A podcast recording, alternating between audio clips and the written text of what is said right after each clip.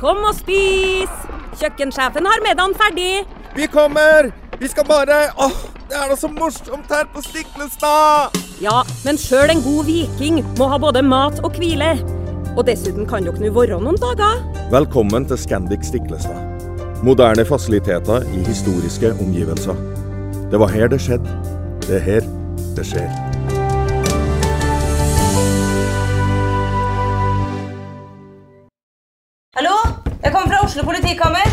Ine Jansen er purk. Er du purk? The motherfucking bitch. Alt jeg vil, er å finne ut hva som skjedde med mannen min. Jon Carew. Er jeg sikta for noe? Iben Akeli. Det er du. Ole So, Lars Berrum og Big Daddy Karsten. Hvem sin side er du på, egentlig? Anette Hoff, Tone Danielsen, Kommer du fra Afrika? Jørnis Josef, Nesten. Kløfta. Trond Espen Seim, Det er synd å si det, men det var feil mann som døde. Purk. Premiere tirsdag på TV2 Play.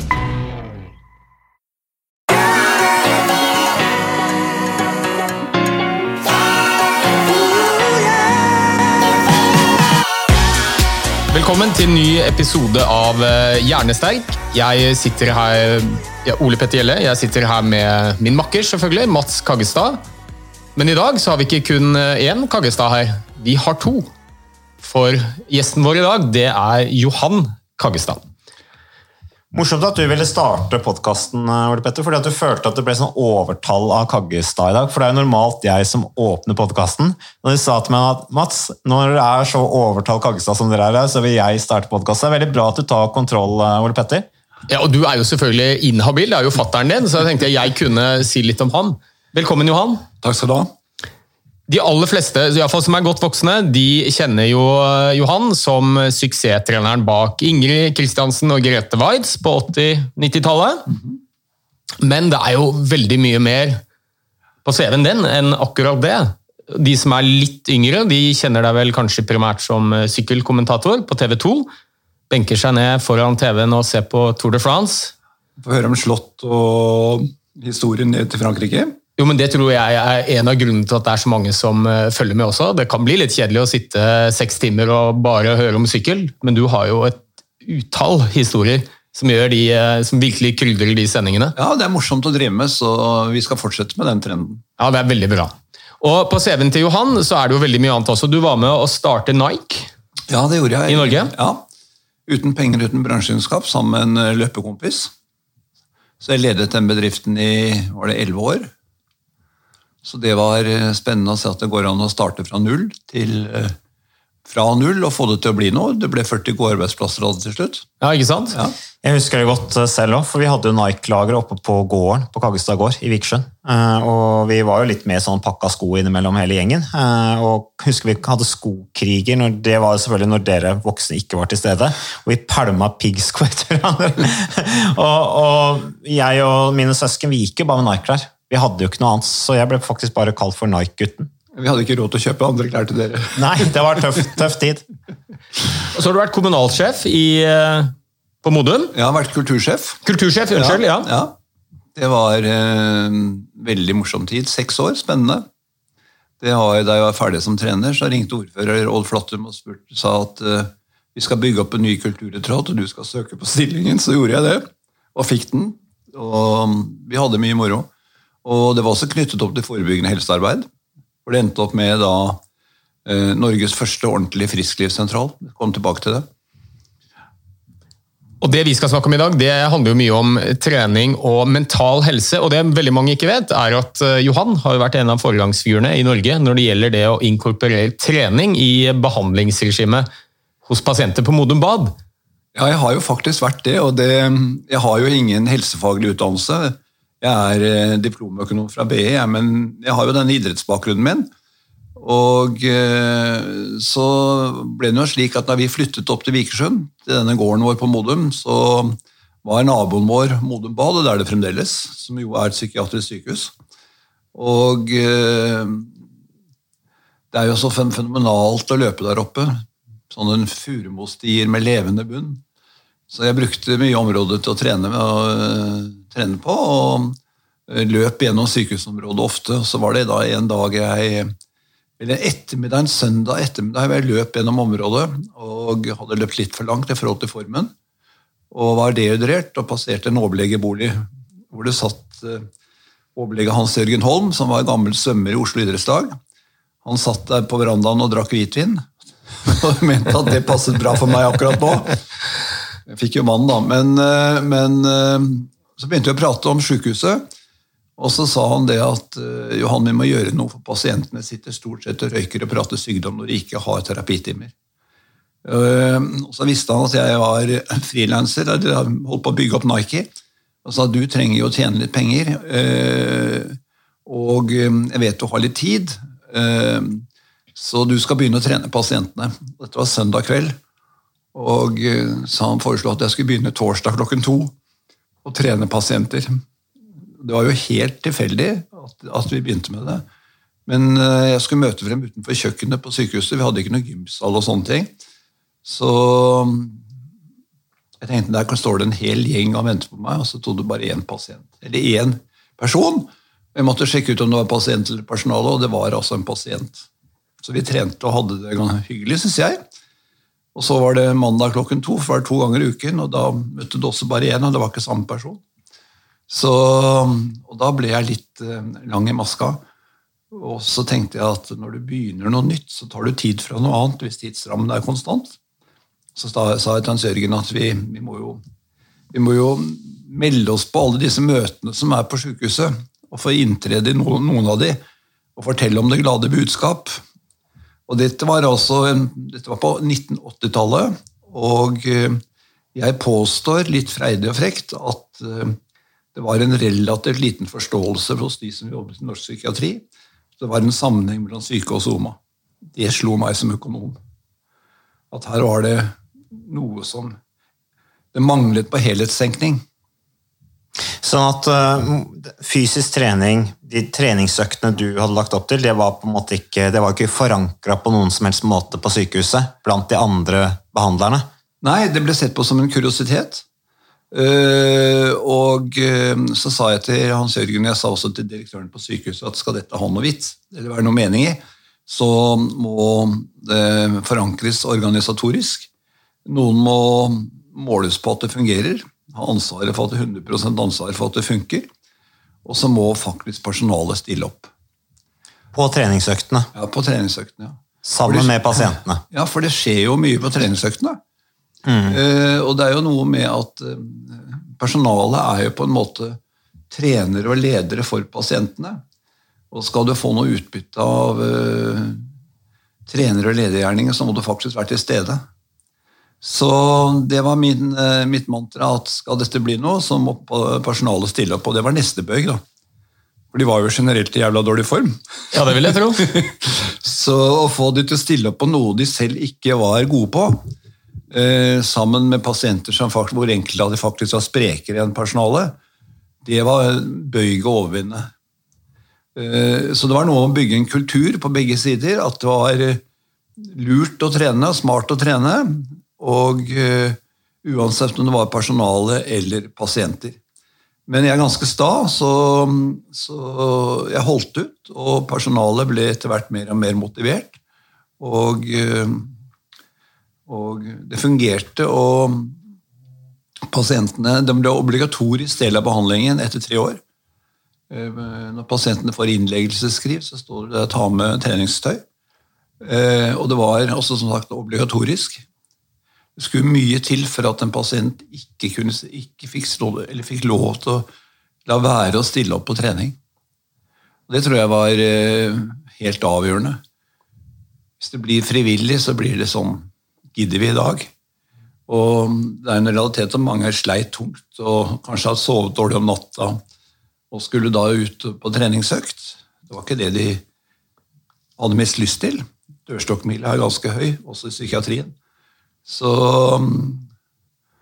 så vi fikk til det med obligatorisk, og vi fikk til det at det ble en, en fast del av behandlingen på sykehuset. Og så hadde vi Et gjennombrudd var jo at um, en god venn Egil Martinsen, psykiater, idrettsinteressert, gammel, god juniorløper på 800 meter, han tok en eh, doktorgrad på relasjonen mellom bedret fysisk form og redusert depresjon. Og da ble det på en måte stuerent i norsk psykiatri. Men var ikke den doktorgraden ganske avgjørende for å få forankra fysisk trening som en del av behandlingstilbudet? Fordi at eh, Holm, direktøren, sykehusdirektøren Han var ikke direktør, Holm var vanlig psykiater. Okay, han var vanlig, ok, men for at det måtte være noen som, for å, for å få forankra det som en del av behandlingen, fysisk trening, så måtte vel kanskje komme noe dokumentasjon for at personalet skulle være, altså godtatt dette her, eller gå, være, gå god for det, da. Ja, og det, det bør jo være noe dokum, dokum, dokumentasjon som sier at dette er fornuftig, at det faktisk er lurt å gjøre. Nå var jo ikke Egils arbeid det eneste han har gjort i verden på dette området. Det var jo skrevet mye om betydningen av fysisk aktivitet i mange sammenhenger på mange arenaer. Så det var mange som allerede argumenterte for at dette var, var jo fornuftig. Men eh, jeg stusset over eh, Det var viktig når det gjaldt å få skapt en helhetstenkning i psykiatrien. Og da eh, i et sånt mikrokosmos, altså Mo- Modum Bad.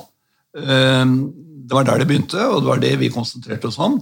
Men det var avgjørende på Modum-doktorgraden til Egil, slik at det kunne dokumenteres at dette hadde effekt. Mm. For det var mange som var skeptiske. Og det ble hos mange sett på som mindre betydningsfull del av behandlingen, det å hoppe og sprette ut i skogen. Det var ikke noe tvil om det. Ja, At det ble sett på som mindre betydningsfullt. Ja, ja, ja. Så arbeidsregel var jo helt avgjørende. Men du, du holdt på med dette i ganske mange år? 15 år. 15 år. Ja. Jeg slutta mange ganger. da. Ja, du slutta mange ganger. Hvordan opplevde du at pasientene Altså pasientene Satte de pris på dette? La de merke til eh, endringer selv? Ja, altså vi, jeg spurte vi, Jeg behandlet det på samme måte som jeg behandlet vanlige idrettsutøvere. Um, og vi hadde en uh, målsettingsprosess ofte hvor uh, jeg spurte hver av pasientene de var jo Gjennomsnittlig liggetid på sykehus var tre måneder. Så jeg spurte hvordan du ønsker å se deg sjøl når du skrives ut her om tre måneder. Uh, jo, jeg ønsker å være i litt bedre form, var jo stort sett det de sa. Og litt gladere og litt eh, mindre plaget. Men eh, de, veldig mange hadde lyst til å komme i bedre form, og da var spørsmålet hva gjør du for å komme i bedre form, og det var å delta på treningene eh, primært, og så fulgte vi opp det gjennom eh, treningsperioden. Tok frem noen flippoverark og fulgte opp hva funker, hva funker ikke av det vi holder på med. Men jeg tror noe av suksessen, for det var en suksess, det var knyttet opp til at jeg behandlet de seriøst. Og det var, mm, det var en sånn gjensidighet til forventninger og forpliktelser. Altså Jeg forventet at pasientene stilte opp. Jeg forventet at personalet stilte opp. Jeg forventet at de bidro når de var på trening. Jeg aksepterte at folk hadde dårlige dager, og da var det andre i gruppa som tok seg av de som sleit. Men eh, først og fremst så skulle du få noe ut av dette, så måtte de stille opp. Det var ikke frivillig. Og så um, la jeg vekt på um, variasjon i trening. Vi gjorde mye rart. Eh, Det var ikke noe konkurransemoment i denne treninga. Det var mye lek. Det var um, trening på lekbetont intensitet. Det vil si eh, intensiteten varierte en del ut fra om vi kjørte noen intense øvelser, eller om vi kjørte noen stafetter, eller eh, hva vi gjorde. Men det var variert intensitet, og jeg hadde alle i én gruppe, selv om det var en enkel Vi hadde jo til og med folk som hadde vært på landslaget i idrett, og til bestefedre og bestemødre. Så det var stort sprik i gruppa. Men jeg hadde alle sammen, og en av, en av forutsetningene var at de skulle ta vare på hverandre i, når de trente. Passe på at alle, alle mm, var med, og hvis det var noen som sleit veldig, så var det enkelte personalet som fikk oppgave å ta seg av de. Men jeg holdt meg sånn stort sett midt i gruppa, og mm, men la vekt på variasjon både i intensitet og i treningsform. Det gjorde jeg. Er ikke det ganske likt eh, prinsippene du også har brukt i treningsgruppa di eh, i Åsgårdstrand, eh, Ole Petter? Eh, jo, veldig. Og, og det har jo faktisk vært en litt sånn modell for oss også. Nå er jo Modum Bad er jo, har jo vært en foregangsinstitusjon, eh, nasjonalt og internasjonalt også, når det gjelder det å putte inn fysisk aktivitet som en helt essensiell del av behandlingsopplegget. Og jeg tror noe av det du nevner, dette med at det blir en sosial arena også, hvor man trives sammen og har det gøy, det tror jeg er en av nøkkel, nøkkelfaktorene for at det skal lykkes. Ja, for Det var eh, helt avgjørende for meg at ikke målet var at den enkelte skulle eksponere seg selv, men at de skulle bidra i gruppa for å bedre det generelle nivået. Det var det. Og så var det avgjørende at personalet stilte opp. Ja, det tror jeg er veldig viktig. Men eh, i dag så er jo dette inkorporert i eh, all behandling av pasienter på Modum. Ja, det er vel ansatt eh, er det tre eller fire personer på heltid som driver med fysisk aktivitet, og det er jo rørende. Ja. Så de har fått det til. Men fremdeles så ser jeg jo at eh, eh, For jeg er, eh, jeg er innom Modum Bad regelmessig. eh, Så ser jeg jo at eh, når det, er, når det er trange budsjettider, så er ikke fysisk aktivitet det som er vernet. Altså. Det er mitt inntrykk. Jeg tenker jo Dette er litt sånn paradoks. da. Dette er jo, iallfall mitt hode, den glemte medisinen. Og Vi vet jo, det er godt dokumentert, at det å være i regelmessig aktivitet, bevege seg, trene, det er faktisk den beste medisinen vi har for å forebygge og behandle lett til moderat depresjon, som rammer veldig veldig mange nordmenn.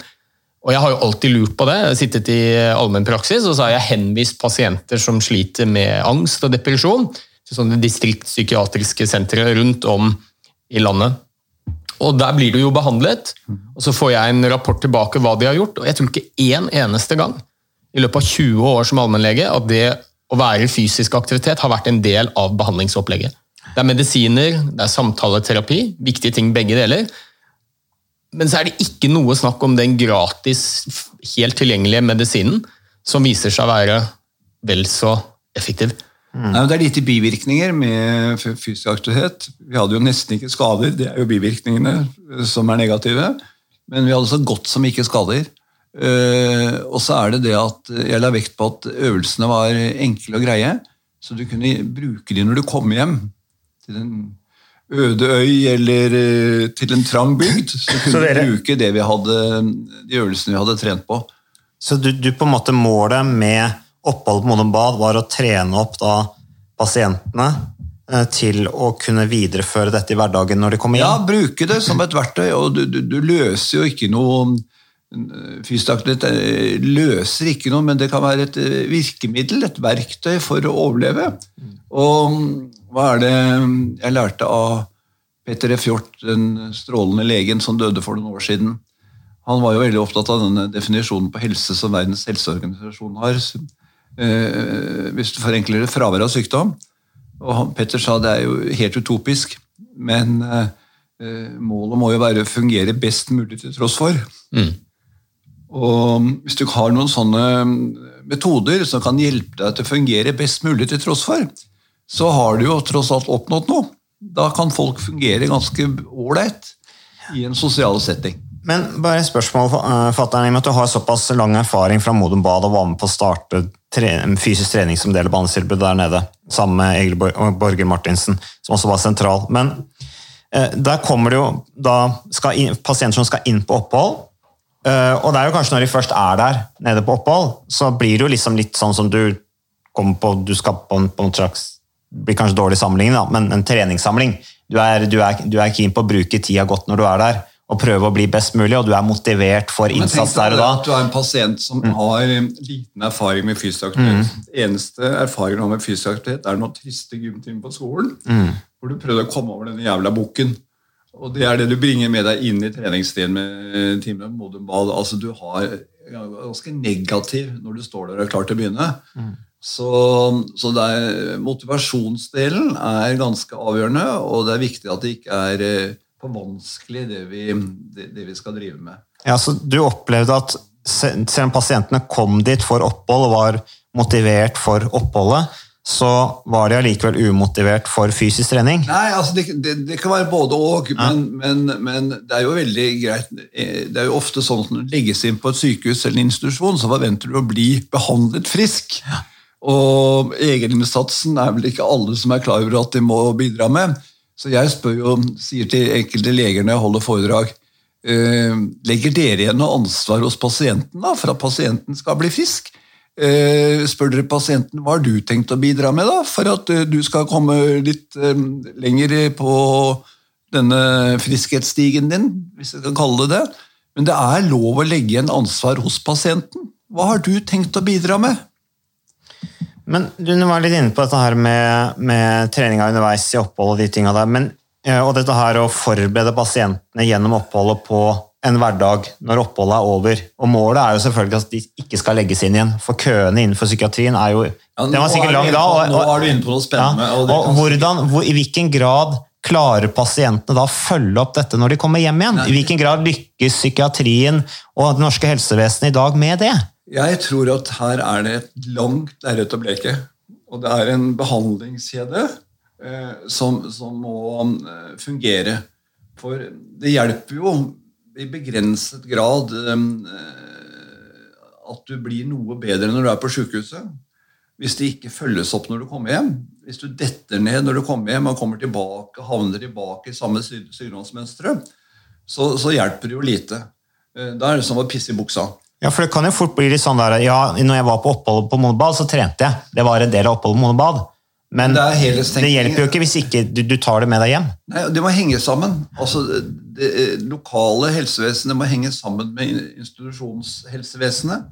Uh, og det lurer jeg på, hvor bra er det? Nå har det jo blitt frisklivssentraler eh, på er det 250 steder i Norge eller noe sånt. Ja, noe sånt. Uh, det hjelper jo, da har du et sted å gå. Eh, men det er helt avgjørende, tror jeg, at når du skrives ut og det Ukas annonsør det er eh, HelloFresh. Og eh, hvis du nå går inn på hellofresh.no og bruker koden 'fresh hjerne', så kan du få opptil 1779 kroner rabatt på da de fem første matkassene dine hvis du ikke har prøvd HelloFresh enda. Og Ole Petter, vi er jo glad i HelloFresh i podkasten Hjernesterk, eh, selvfølgelig fordi at de er en annonsør. De er med og bidrar til å spre det glade ordet om fysisk aktivitet og god helse. Men i tillegg så har jo vi også nå lang erfaring med HelloFresh Fresh selv. Så vi må jo si at det har vært gode erfaringer til nå. Ja, absolutt. Visste du, Mats, at HelloFresh det er faktisk verdens ledende matkasseleverandør? Og tilbudene til HelloFresh gjør det enkelt å lage gode og varierte retter som skaper matglede. Og matglede vet du, det er like viktig som hva du putter i munnen. Det å spise mat med folk du trives med.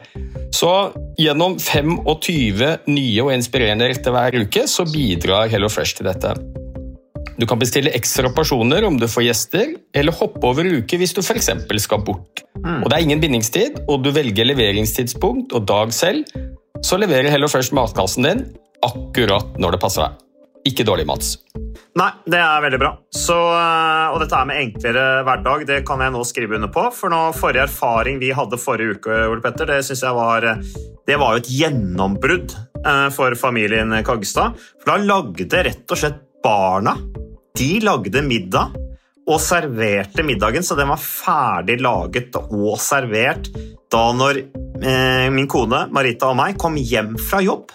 Og jeg mener, det var jo bare helt utrolig. Eh, Det var helt fantastisk. Det ble en nydelig middag. Riktignok, de, de, de, de roter og søler litt, det gjør de. Så, men, men maten ble veldig god. De var veldig stolte over å kunne ha både laget og servert maten, så det var helt fantastisk. Så vi har jo da i siste så har vi eh, spist eh, bl.a. sitron- og dillstekt hyse med ovnsbakte grønnsaker og aioli. Eh, Vi har spist middelhavsinspirert kylling. Taco, så finnes det mange ulike typer taco. F.eks. vietnamesisk taco, som vi har spist. Thailandsk vegetargryte. Veldig riktig og sunt eh, i dagens eh, samfunn med, med fokus på bærekraft. Hvitløk og chilistekte reker i spagetti, det var definitivt en vinner. Så det er så flott. Du får rimelig mat ved at du kun betaler for det du trenger, så det blir ordentlig feststemning med Hello Fresh. Det gjør det, og nå er det bare for deg å gå inn på hellofresh.no og bruk koden FRESH hjerne. Da får du opptil 1779 kroner rabatt på de første fem matkassene dine, hvis du ikke allerede har prøvd HelloFresh. Du kan også bruke rabattkoden hvis du har stoppet abonnementet ditt for tolv måneder siden eller mer. Er det noe å lure på? Håper maten smaker godt. Bon appétit! prøvde vi litt på, men jeg var jo tross alt løsarbeider, så det var begrenset tid jeg hadde. Men finne, hvor kan de da henvises, anbefales å gå for å kunne fortsette trening eh, i forsvarlige omgivelser, inspirerende omgivelser, sammen med andre. Så vi prøvde å kartlegge hvor er det treningstilbud, og hvor er det eventuelt treningstilbud i nærheten av der pasienten bor. Men dette burde vært en selvfølge. at Du slipper jo ikke folk ut av trening før du vet at de har et relevant tilbud i nærheten av heimen. For Da kan det bli kontinuitet i det. Noe får de med seg så de kan drive egentrening, men det er alltid inspirerende å gjøre noe sammen med andre, har jeg opplevd. Ja, dette er jo et kjempeparadoks, fordi eh, Modum Bad er jo spesialisthelsetjenesten. Og sånn har vi det jo når det gjelder eh, fysiske sykdommer. Så henviser jeg kanskje en pasient til eh, hjerteavdelingen på sykehuset, mistenker hjertesykdom, og så blir de behandlet, kanskje får de noen medik medikamenter i spesialisthelsetjenesten, og så skrives de ut. Og da går det en melding til meg at nå er det jeg som fastlege som må følge opp videre. Og det gjør vi selvfølgelig.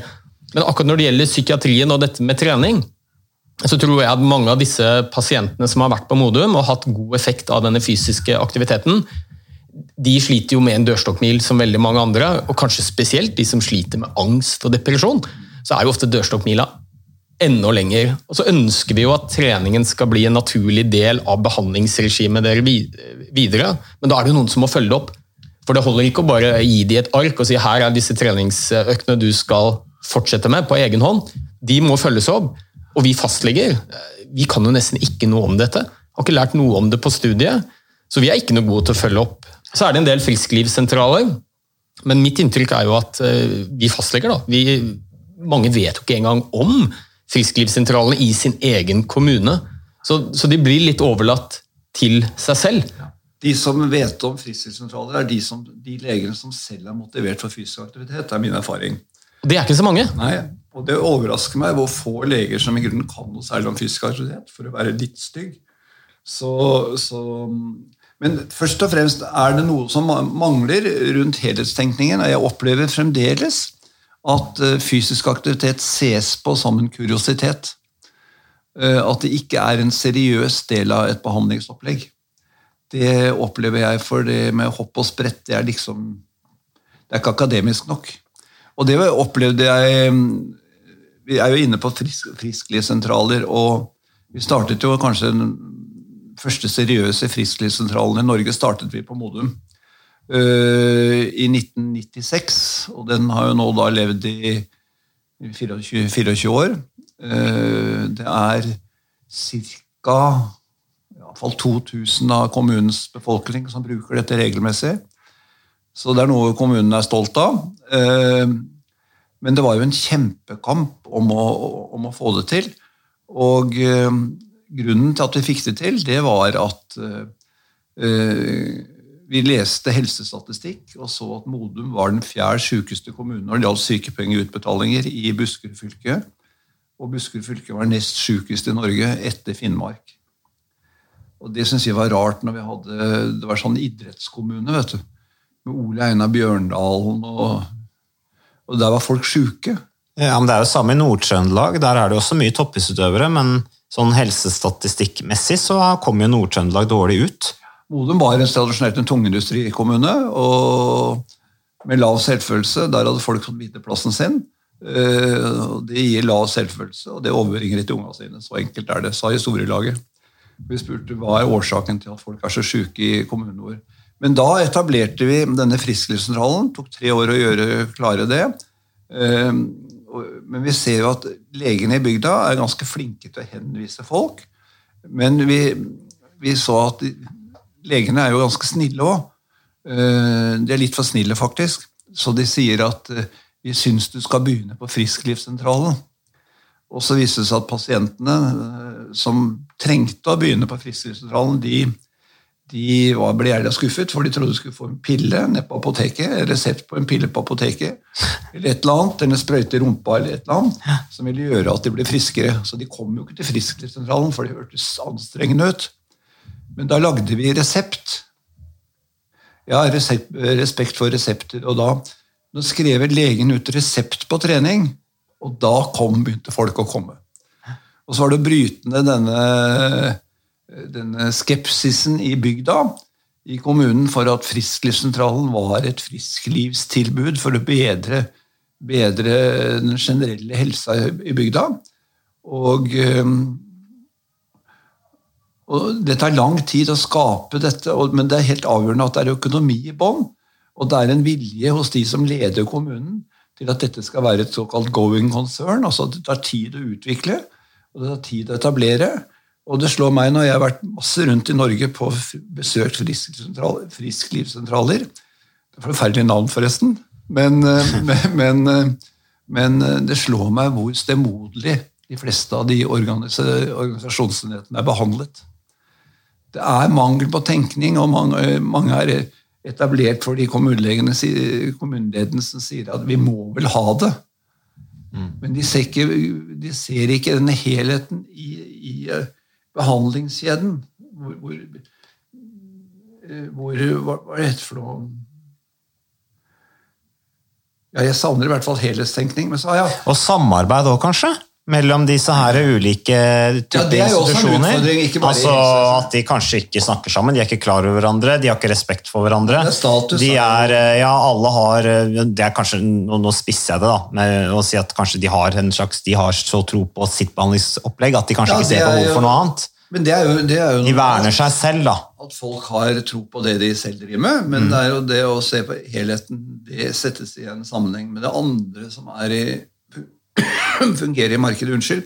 Men, eh, men så slår det meg Jeg har vært andre steder i helsevesenet òg. Jeg har sittet i styret på sykehus. Jeg har eh, jobbet med organisasjonsutvikling på, innen eh, sykehusvesenet. Eh, Jeg var seks år på Ahus, psykiatrisk divisjon. Og jeg spør jo folk hvor mange er det som jobber i psykiatrien på Ahus. Så sier de 200-300. Det er altså over 3300 mennesker som jobber i psykiatrien på Ahus. Det sier noe om, eh, om behovet for psykiatrisk behandling.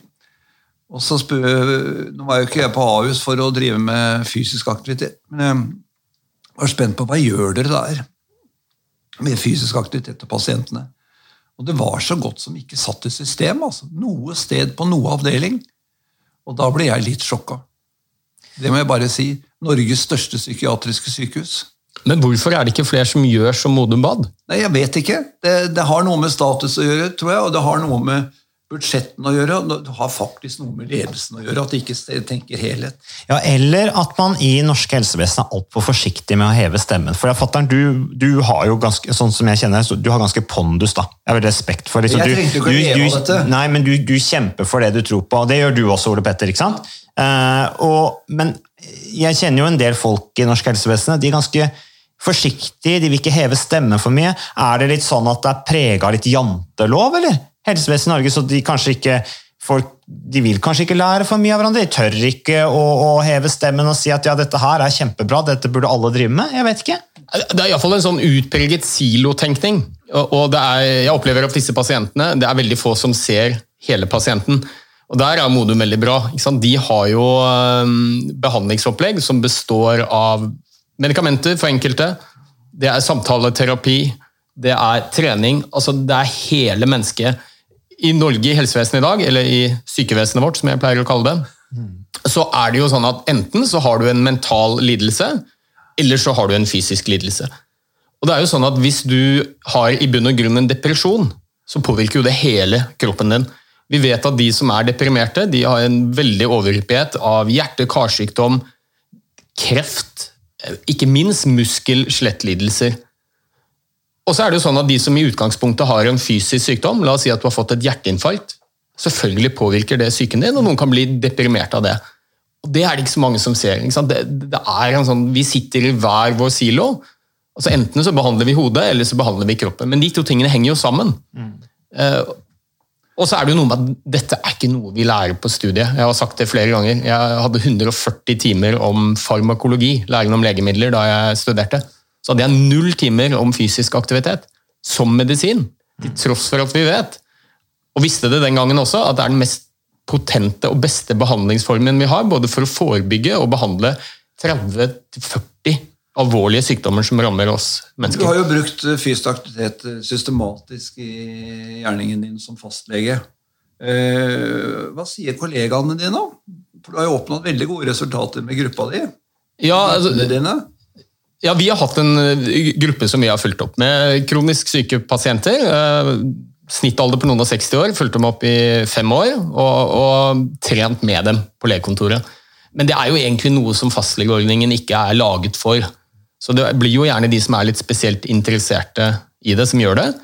Og, og Vi har fått masse tilbakemeldinger. Eh, kolleger, Det er jo alt fra noen som syns dette er kjempespennende, vi har lyst til å begynne med det samme. Så vi har vel hatt 20-30 forskjellige fastleger fra hele landet som har vært nede og sett på vår modell. Og så har de begynt med det selv. Og så har vi hatt politikere, jeg har hatt helseministeren, folkehelseministeren på besøk.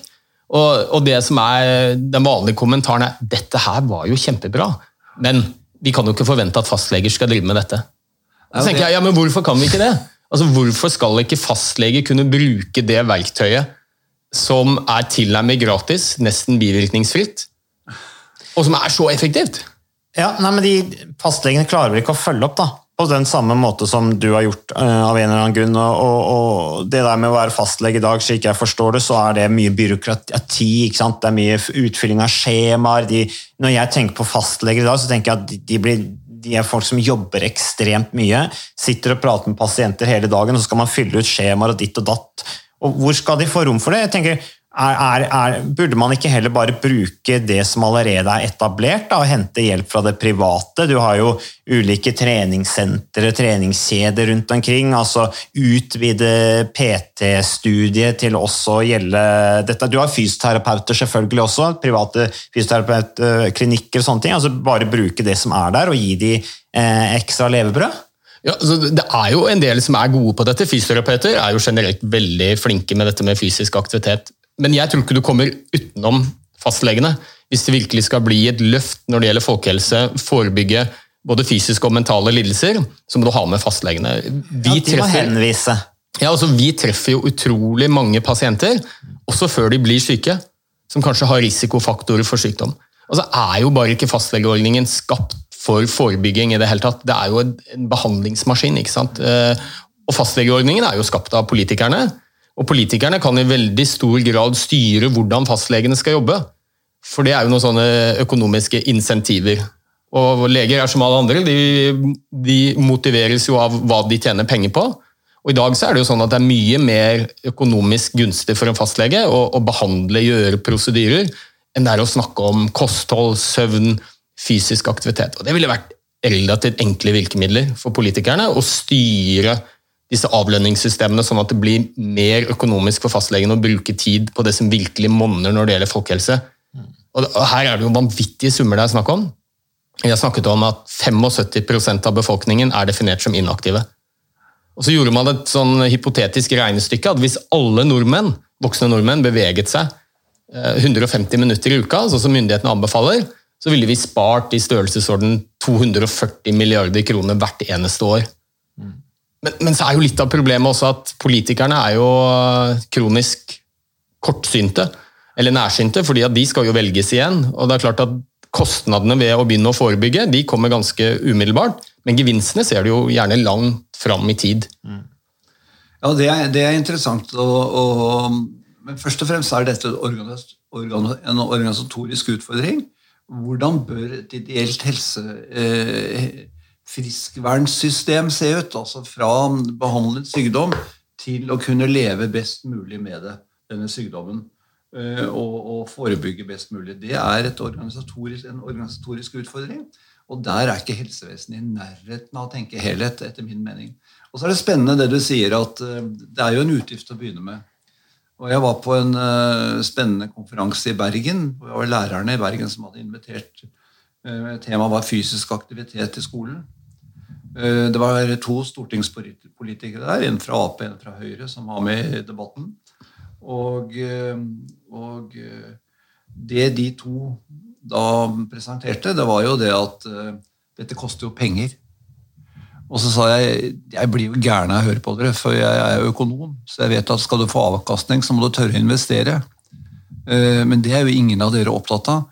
Og det er jo også noe med modellene. altså de to, Det skal jeg sikkert ikke bruke, men det irriterer meg når man uttaler seg om fysisk aktivitet og er så stor at du må ha to seter på flyet. Det gjaldt begge disse to politikerne. De skjønner jo ikke sammenhengen selv i måten de lever på. Og da kan du ikke forvente at de skal kunne bidra positivt i en diskusjon heller. Men argumentet var at det er dyrt, og det møtte vi da vi skulle etablere Frisklivssentralen på Modum. Eh, som jeg sa, tre år. Eh, jeg var rundt og holdt noe foredrag i, i fylket. Og var invitert på en stor sånn helsekonferanse i Drammen. Tre dagers helsekonferanse om forebyggende helsearbeid. Og så snakket jeg om uh, hva vi hadde gjort på Modum Bad, og hva jeg så for meg når det gjaldt Frisklivssentralen. Og så sa jeg men jeg er i grunnen drita lei av å holde sånne foredrag, for her sitter menigheten. Og så gikk jeg og satte meg. Det ble foredraget? Ja, det ble foredraget. Og så ble det rabalder. Og da dukket det opp masse rådmann, fylkesrådmann, fylkesordfører, Eh, helse, fylkestrygdesjef, alle sammen sa at de pengene dere mangler, de skal dere få, mot at Modum kommune stiller opp med sin tredjedel. Men det måtte altså en sånn voldsom, arrogant demonstrasjon til for i det hele tatt å være flytta på det. Det var ganske interessant. Jeg brukte tre år, og så var vi i gang, og da hadde vi besøk av helseminister Høybråten inne i skogen vår på Furumo. Ordfører Flattum med kjede tok imot, og det var vitnesbyrd fra noen av de som trente, og det var Høybråten syntes det var interessant. Og så spurte vi hva, hva med støtte til dette. Eh, Svenskene hadde jo drevet med frisk, frisklivssentraler i mange år. Og så sa Høybråten akkurat det samme som du sa. Eh, det, var, det er spennende, men det er jo ikke akademisk nok. sånn. Så dette er ikke noe vi kan støtte. Og da hadde jeg med meg Roald Bahr, som jo er en stor og kraftig lege. Som, eh, Han er i hvert fall veldig høy. Ja, han er flink òg. Mm. Og, så, og så så han ned på den uh, helseministeren og så sa han nå, nå må du slappe av. sånn. Nå har de drevet med frisklivssentraler i Sverige i uminnelige tider. Og de har gjort usedvanlig mange undersøkelser på effekten. Jeg tror nordmenn er ganske lik svensker sånn. Så jeg tror du skal ta med han statssekretæren din og komme deg ut av skogen sånn. Han jaget helseministeren. Men det var jo rett og slett en frustrasjon over at det var manglende forståelse for at dette kunne brukes i en helhetstenkning organisatorisk i helsevesenet. Og det er, det er, en kamp som på langt, langt nær er vunnet, og det burde være et prosjekt og, og, som helsemyndighetene tok tak i. Det jeg lurer på, Ole Petter, Nå åpna du den podkasten her. Eh, men jeg tror vi skal eh, kanskje konkludere med at det er store utfordringer på det organisatoriske plan i helsevesenet i Norge i forhold til dette her, å se på fysisk aktivitet som eh, at det har en betydning da, i, i, i helheten. Ja, Det må ikke være en kuriositet, og det husker jeg jeg, jeg diskuterte med direktøren på Modum Bad òg, som var gammel B-lagsspiller i Lyn og var ganske opptatt av idrett. Uh, og så var han veldig opptatt av at jeg trente Grete Waitz og Ingrid Kristiansen. Det ville media synes var gøy, at jeg trente, og at man fikk frem det at jeg trente pasienter på Modum. Og så sa jeg nå må du slappe av, Ronnes. det er ikke det som er interessant. Det som er interessant, er jo det at vi har begynt å trene pasienter. Ja. Det, er, det er det vi skal prøve å få frem. Der ga du meg en idé, fattern. For jeg tenker at neste gang vi møtes av podkast, så kan vi snakke om likhetene mellom det å trene toppidrettsutøvere og pasienter. Vil du avslutte podkasten, Ole Petter, i og med at du åpna den? ja, du, jeg har hørt et rykte fra Jeg skal ikke nevne hvem som har nevnt det. Men uh, stemmer det at du ble tilbudt uh, å være landslagstrener for uh, skigjengen? Ja, jeg gjorde det faktisk. Ja. Når var det? Det var Skilandslaget, altså? Slutten av 80-tallet. Ja. Hva sa du da? Jeg sa nei. Sa du nei til det? Ja. Det var ikke landslagstrener, det var landslagssjef. Landslagssjef? Jeg skjønte ikke hva det skulle med jobben, for å være helt ærlig. Så jeg syns det var en jobb som ikke det var noe vits å bruke penger på. Men eh, jeg var jo interessert i langrenn, og gikk jo langrenn sjøl. Jeg var en av Norges aller beste juniorløpere i langrenn. Jeg har alltid brent for langrenn, men, eh, men eh, jeg sa nei, og Ingrid ble så jævla siden av oss. Fordi at du da skulle bruke tid på eventuelt langrenn? Ja, ikke sant? Ja. Nei, men det, det, var fristende, men jeg sa nei, og det har jeg ikke angra på. i grunnen. Nei. nei, du, tusen takk for en uh, veldig interessant prat. Et av mine store forbilder, din far, Johan Kagestad. Vi, uh, vi skal snakke mer sammen, vi. Ja, så vi er tilbake med mer Hjernestark. Det er vi. Takk for nå.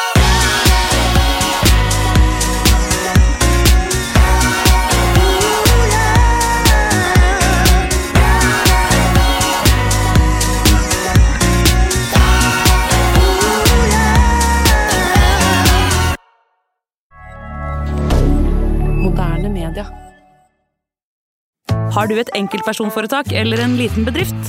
Da er du sikkert lei av å høre meg snakke om hvor enkelt det er med kvitteringer og bilag i fiken, så vi eh, gir oss her, vi. Fordi vi liker enkelt. Fiken superenkelt regnskap.